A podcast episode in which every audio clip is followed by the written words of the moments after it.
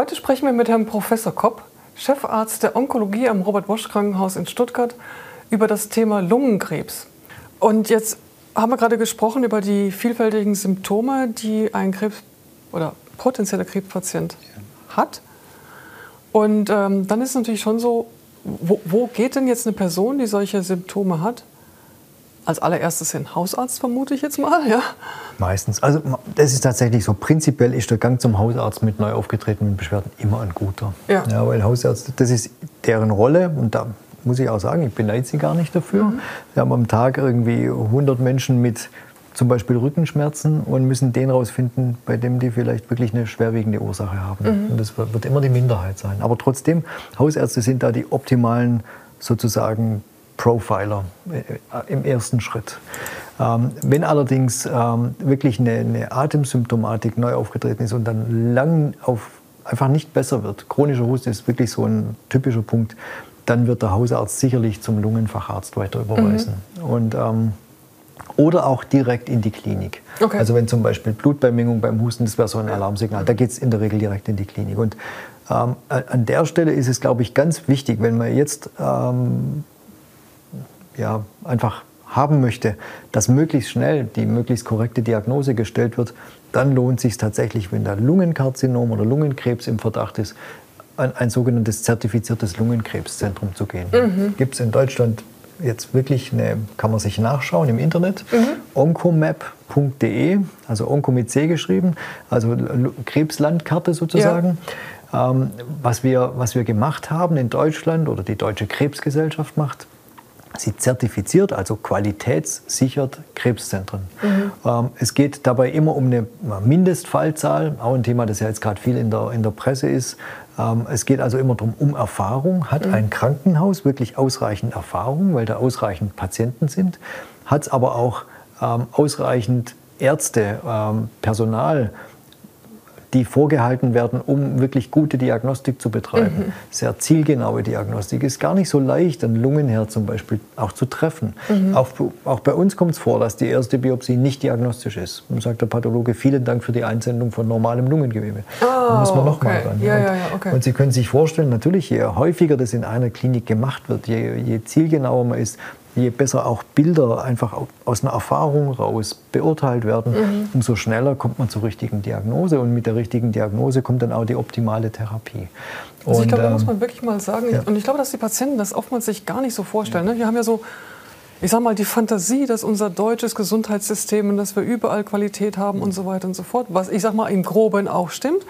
Aber wenn es dann wirklich um so eine Krankheit geht, dann haben wir wirklich massive Unterschiede. Ne? Absolut, genau. Es gibt also Unterschiede wirklich, in der äh, Diagnostik vor ja. allem, aber auch in der, in der Therapie und vor allem in der, in der stadiengerechten Therapie. Ja. kann, es gibt, gab jetzt letztes Jahr die, eine Studie, in der wirklich zum ersten Mal sogar gezeigt werden konnte, dass gerade bei Lungenkrebs in die frühen Stadien, diese heilbaren Stadien, die Ergebnisse, gemessen am Überleben der Patienten, sind unterschiedlich, wenn sie an einem Zentrum, an einem Lungenkrebszentrum von der Deutschen Krebsgesellschaft zertifiziert, behandelt und diagnostiziert werden oder an einem Nicht-Lungenkrebszentrum. Also das ist ein ganz klarer, in Zahlen, Daten, Fakten greifbarer mhm. Unterschied. Und deshalb, mhm. glaube ich, kann ich guten Gewissens wirklich jedem empfehlen, wenn da Lungenkrebs oben drüber steht, ja. ähm, dann sich spätestens dann in ein Lungenkrebszentrum zu begeben. Ja, ja, absolut.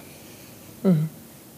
Das bringt uns natürlich, also wir wollen ja dann später nochmal wirklich ins Detail gehen mit der mhm. Therapie, also Diagnose ja. und Therapie, aber trotzdem nochmal so, ähm, überhaupt mal so einen kleinen Ausblick zu geben. Ist denn Lungenkrebs heilbar? Das, äh, die Antwort ist, das kommt darauf an.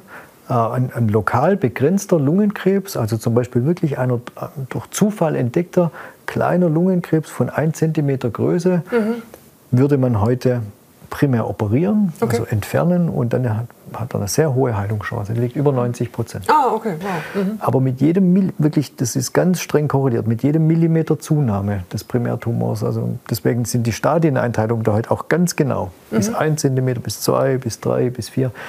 Mit jeder Größenzunahme wird die Heilungschance geringer. Mhm. Und schon ein Tumor, der 4 cm Durchmesser hat, aber nur auf die Lunge beschränkt ist, mhm. sonst keine Metastasen macht, hat schon eine so hohe Rückfallwahrscheinlichkeit nach einer alleinigen Operation, dass wir heute eigentlich irgendwas zusätzlich machen wollen. Mhm. Zusätzlich nicht Chemotherapie, um die Sicherheit zu erhöhen. Mhm. Ja. Mhm. Also das ist eine, eine, eine Rückfallwahrscheinlichkeit, die ganz streng mit der Tumorgröße korreliert ist. Weil der dann wahrscheinlich doch schon gestreut Ganz hat, genau. auch wenn man es nicht sehen kann. Das ist ne? der entscheidende Punkt. Okay. Also in dem mhm. Moment, Rückfall bedeutet ja nicht, dass der, die Krankheit von irgendwo außen wieder mhm. zurückkommt, sondern mhm. Rückfall bedeutet, der Lungenchirurg hat zwar alles rausgenommen, mhm. aber irgendwo sind Mikrometastasen, also mhm. mikroskopisch verstreute Zellen, mhm. die dann wieder hochwachsen. Und dieses Risiko ist schon bei sehr kleinen Lungenkarzinomen hoch. Ja. Also die, die, die größten Fortschritte ist, oder ein Grund, weshalb ich mich überhaupt ähm, schwerpunktmäßig mit Lungenkrebs beschäftige, ist einfach, dass ich ähm, die, die Freude habe, in den letzten zehn Jahren vor allem so tolle Fortschritte zu sehen, in der Diagnostik und in der Therapie.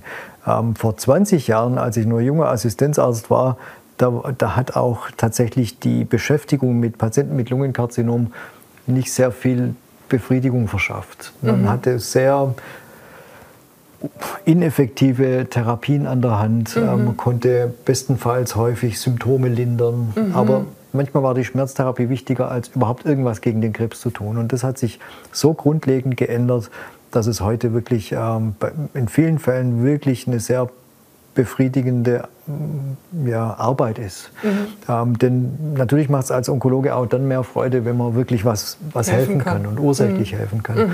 Und das hat sich ganz stark geändert mit, und daran ist vor allem die Diagnostik äh, entscheidend beteiligt. Also wir haben heute molekulare Diagnostik und das predige ich jeden Tag, das ist der entscheidende Punkt. Mhm.